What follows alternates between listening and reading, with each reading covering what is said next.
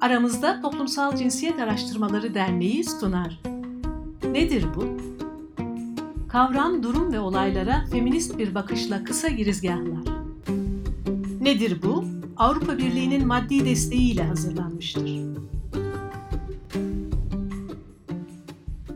Merhaba, aramızda Toplumsal Cinsiyet Araştırmaları Derneği'nin hazırladığı Nedir bu podcast serisinde kavram, durum ve olaylara feminist bir bakış ile kısa bir girizgah yapmayı amaçlıyoruz. Aramızda ile ilgili daha ayrıntılı bilgiye ulaşmak için aramızda.org.tr adresini ziyaret edebilirsiniz. Serimizin bu ilk bölümünde ele alacağımız kavram ikili cinsiyet rejimi. İkili cinsiyet rejimi ile ilgili sorularımızı İrem Akı cevaplayacak. İrem Akı feminist bir akademisyen ve hukukçu. Çalışmalarına Almanya'da Marburg Üniversitesi'nde devam ediyor. Merhaba İrem. Merhabalar. İrem nedir bu ikili cinsiyet rejimi? İkili cinsiyet rejimi dediğimiz şey aslında cinsiyeti kadın ve erkek olarak kabul eden, e, bunun doğal olarak böyle olduğunu söyleyen, her insanın kadın veya erkek olarak doğduğunu iddia eden bir rejim olarak anlayabiliriz. Ve baktığımız zaman aslında ikili cinsiyet rejimine göre e, kadın ve erkeğin birbirinden biyolojik olarak kesin bir biçimde ayrılmış olduğunu görüyoruz. Bunun yanında yani bu ayrımın yanında aslında bu iki cinsiyetten beklenen kimi roller de oluyor. Feminizm ve feminist hareket aslında bunu biyolojik cinsiyet, toplumsal cinsiyet ayrımıyla açıklıyor. Buna göre de işte e, erkek veya kadın olarak doğuyoruz. Daha sonra da e, bize yüklenen toplumsal cinsiyet rolleri çerçevesinde davranıyoruz.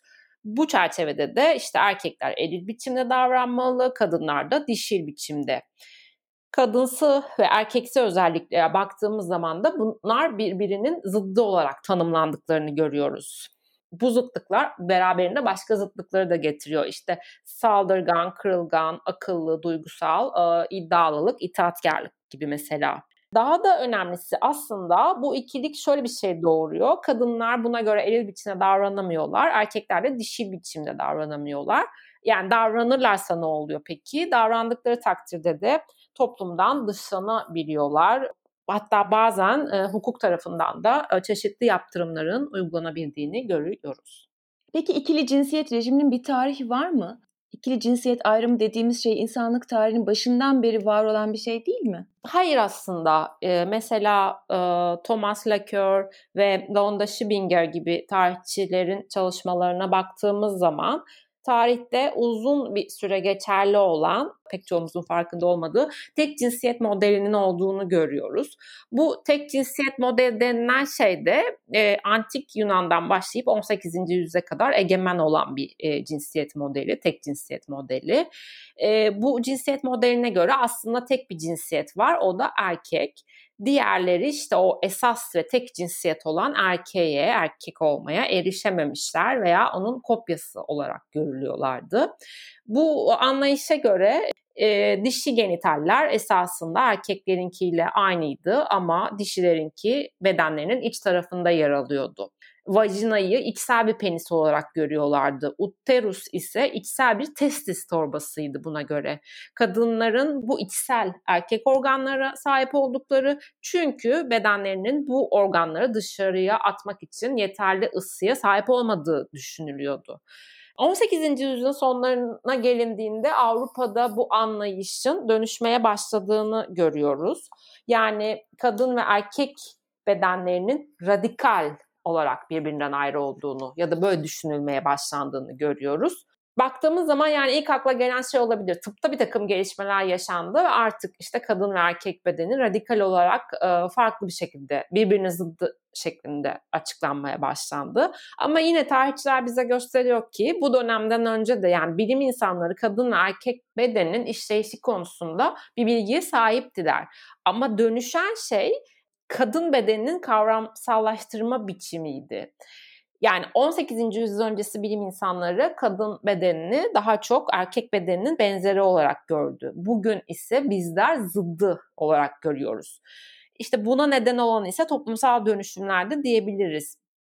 Yine Locke'e göre bir yandan epistemik, öte yandan da politik dönüşümler sonucunda e, baktığımız zaman tek cinsiyet modelinin yavaş yavaş geçerliliğini kaybettiğini görüyoruz. Burada Locker gene önemli bir şey e, söylüyor. Yani kadınların erkeklerden aşağı olmak dışında toplumsal rolünün mümkün olmadığı tek cinsiyet modeli sarsılıyor ve bunun sarsılmasıyla birlikte eşitlik taleplerinin ve dolayısıyla da feminist ideallerin ortaya çıkabileceğini söylüyor. Ama tabii ki ikili cinsiyet modelinin ya da iki cinsiyet modelinde e, ne kadar eşitlik getirdiği de e, tartışılır. Avrupa dışında yani Osmanlı İmparatorluğu ve genel olarak Orta Doğu'ya da baktığımızda 19. yüzyıla kadar tek cinsiyetli modelin hakim olduğunu görüyoruz. Mesela Osmanlı toplumunda Arzu ve Aşk kitabında Drozevi bu modeli e, kusurlu erkek modeli olarak adlandırıyor. Kusursuz ve asıl olan e, erkek karşısında tüm diğer cinsiyetlerin onun kusurlu bir versiyonu olduğunu görüyoruz. Bugün bile yani baktığımızda kadının erkeğin eksiği, yarımı, kusurlu biçimi olduğuna dair inanışlarında e, karşımıza çıktığını görüyoruz. E, o halde ikili cinsiyet ayrımı biyolojik mi yoksa toplumsal mı? E, bu toplumsal bir ayrım. Yani daha açık bir ifadeyle aslında e, kadınlar ve erkekler arasında ortalama olan bir takım biyolojik ve anatomik farklılıklar ne oluyor? Kategorik farklılıklara dönüştürülüyor. Bu süreçte de benzerlikler bastırılıyor ve kendi içinde bütünlüklü, dışlayıcı, birbirini dışlayan e, kadın ve erkek olmak üzere iki kategori oluşturuluyor. Şimdi baktığımız zaman e, ya böyle bir argüman da cinsiyet ve toplumsal cinsiyet ayrımı üzerine de tekrar düşünmemizi gerektirecektir. Yani cinsiyet ve toplumsal cinsiyet ayrımı elbette ki feminizm için çok önemli ve uzun yıllar feminizm ve feministler için çok elverişli bir ayrım oldu. Yani buna göre cinsiyet biyolojik olarak belirlenmişti. Toplumsal cinsiyet ise toplumsal olarak dönüşmüş bir düzleme tekabül ediyordu.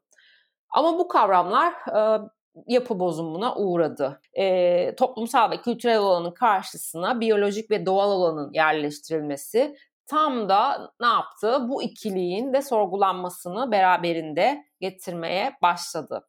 Yani toplumsal cinsiyet kavramı aslında ne oluyordu? Varsayılan, verilen biçimiyle e, sabit bir biyolojik cinsiyet üzerinden yükseliyordu.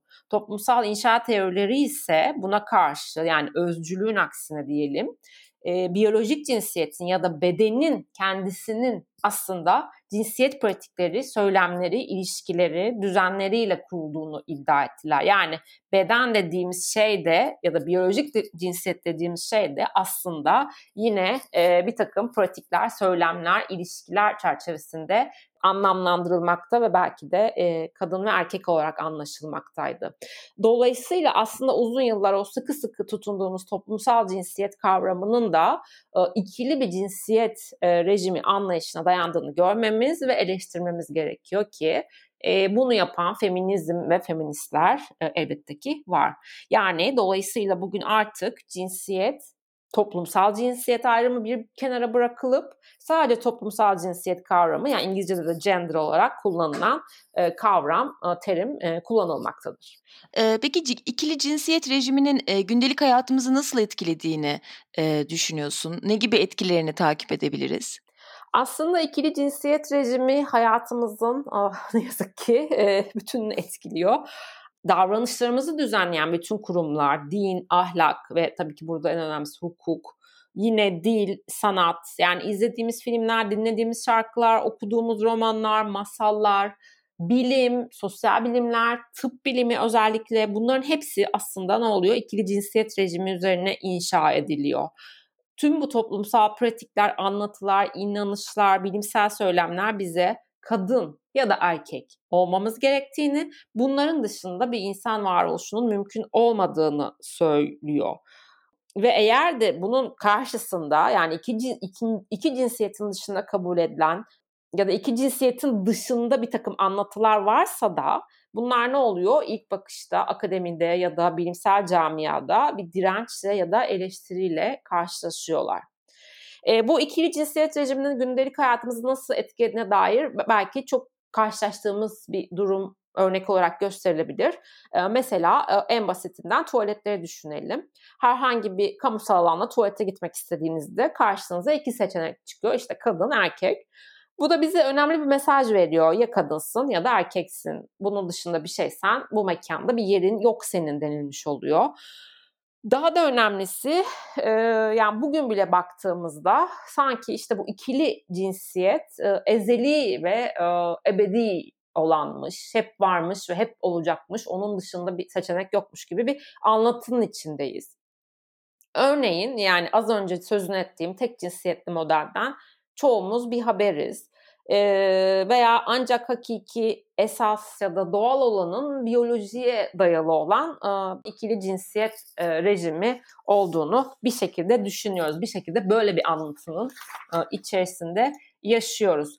Ve belki daha da önemlisi baktığımız zaman yani günümüz patriarkasının da e, bu ikili cinsiyet rejimine yaslandığını e, iddia edebiliriz. Yani ikili cinsiyet rejimi dediğimiz rejim işte kadın var erkek var demiyor sadece. Kadının erkeğe tabi olduğu ikinci sınıf olduğu bir rejime götürüyor bizi.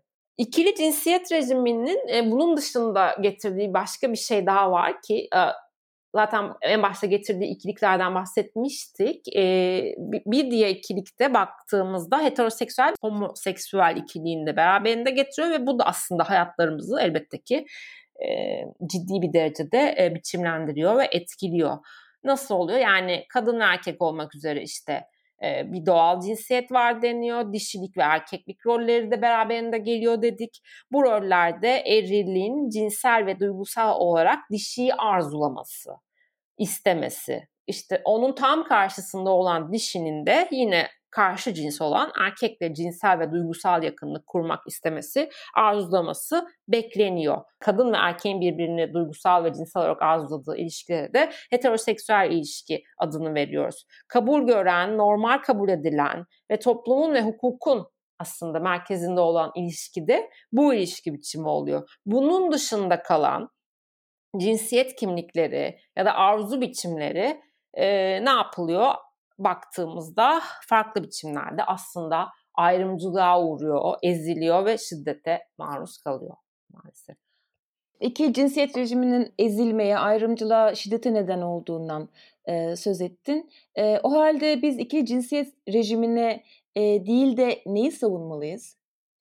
Bugün artık aslında yani ikili cinsiyet değil bir, bir cinsiyet spektrumu görmemiz gerekiyor.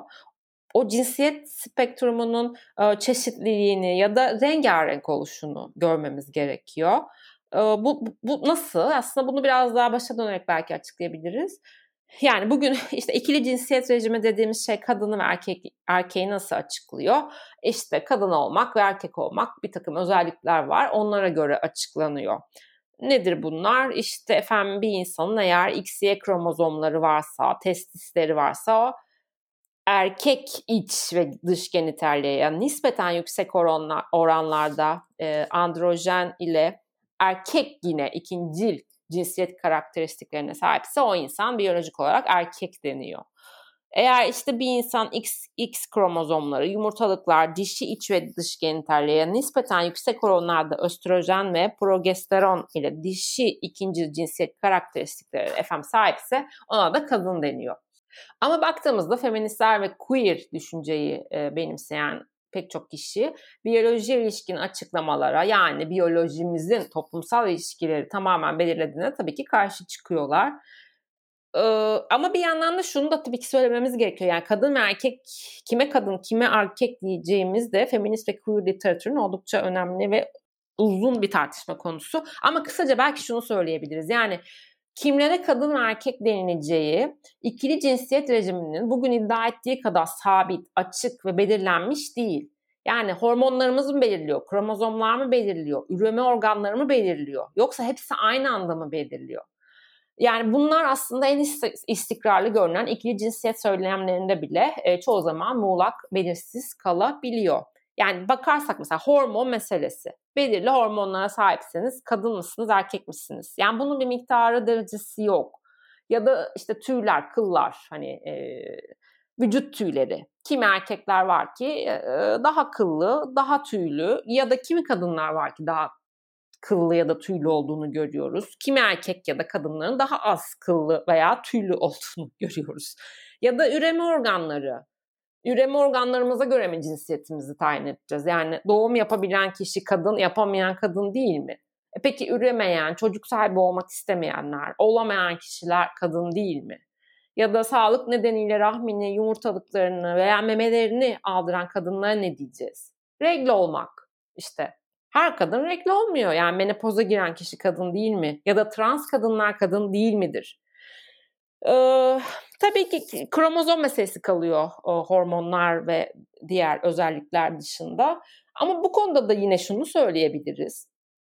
Tamam pek çok insan XX ya da XY kromozomlarına sahip ama kimilerinde X, XY ve XO sistemi de görülmekte.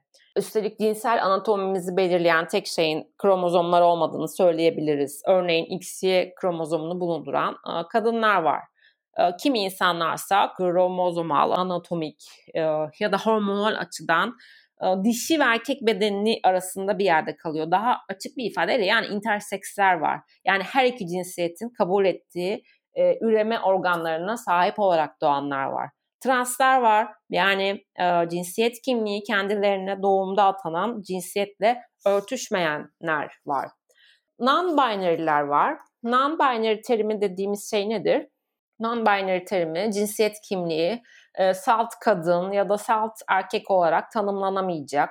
E, kimine göre ikisinin arasında, kimine göre ise ikisinin de dışında bir cinsiyet kimliğini deneyimleyen insanları e, tarif edilen, tarif etmek için kullanılan terimlerden yalnızca bir tanesi. Non-binary bireyler cinsiyet kimliklerini, cinsiyet kimliği akışkan ya da cinsiyetsiz gibi başka terimlerle üçüncü bir cinsiyet olarak ya da tamamen başka bir şekilde tanımlayabiliyorlar. Ve belki son olarak şunu eklemem gerekiyor. bu terimler bazen anlamını bilemiyoruz ya da kafamıza takılabiliyor. Yani bu terimler hakkında kafamıza takılan bir şey olursa e, Kaos geleneğinin hazırlamış ve hazırlamakta olduğu yani devamlı olarak aslında güncellediği bir dijital sözlük var. E, bu sözlüğe bakarak bu kafamızı karıştıran şeyleri ne yapabiliriz? Daha açık hale getirebiliriz. E, son olarak senden ikili cinsiyet rejimini bir cümle içinde kullanmanı rica edeceğiz. Peki e, o zaman sanırım şöyle diyebilirim. Cinsiyet ikiye sığmaz. Çok teşekkürler İrem. Gerçekten çok aydınlatıcı bir söyleşi oldu. Ben teşekkür ederim. Çok sağ olun. Nedir bu? Avrupa Birliği'nin maddi desteğiyle hazırlanmıştır. İçerik tamamıyla Aramızda Toplumsal Cinsiyet Araştırmaları Derneği'nin sorumluluğu altındadır ve Avrupa Birliği'nin görüşlerini yansıtmak zorunda değildir.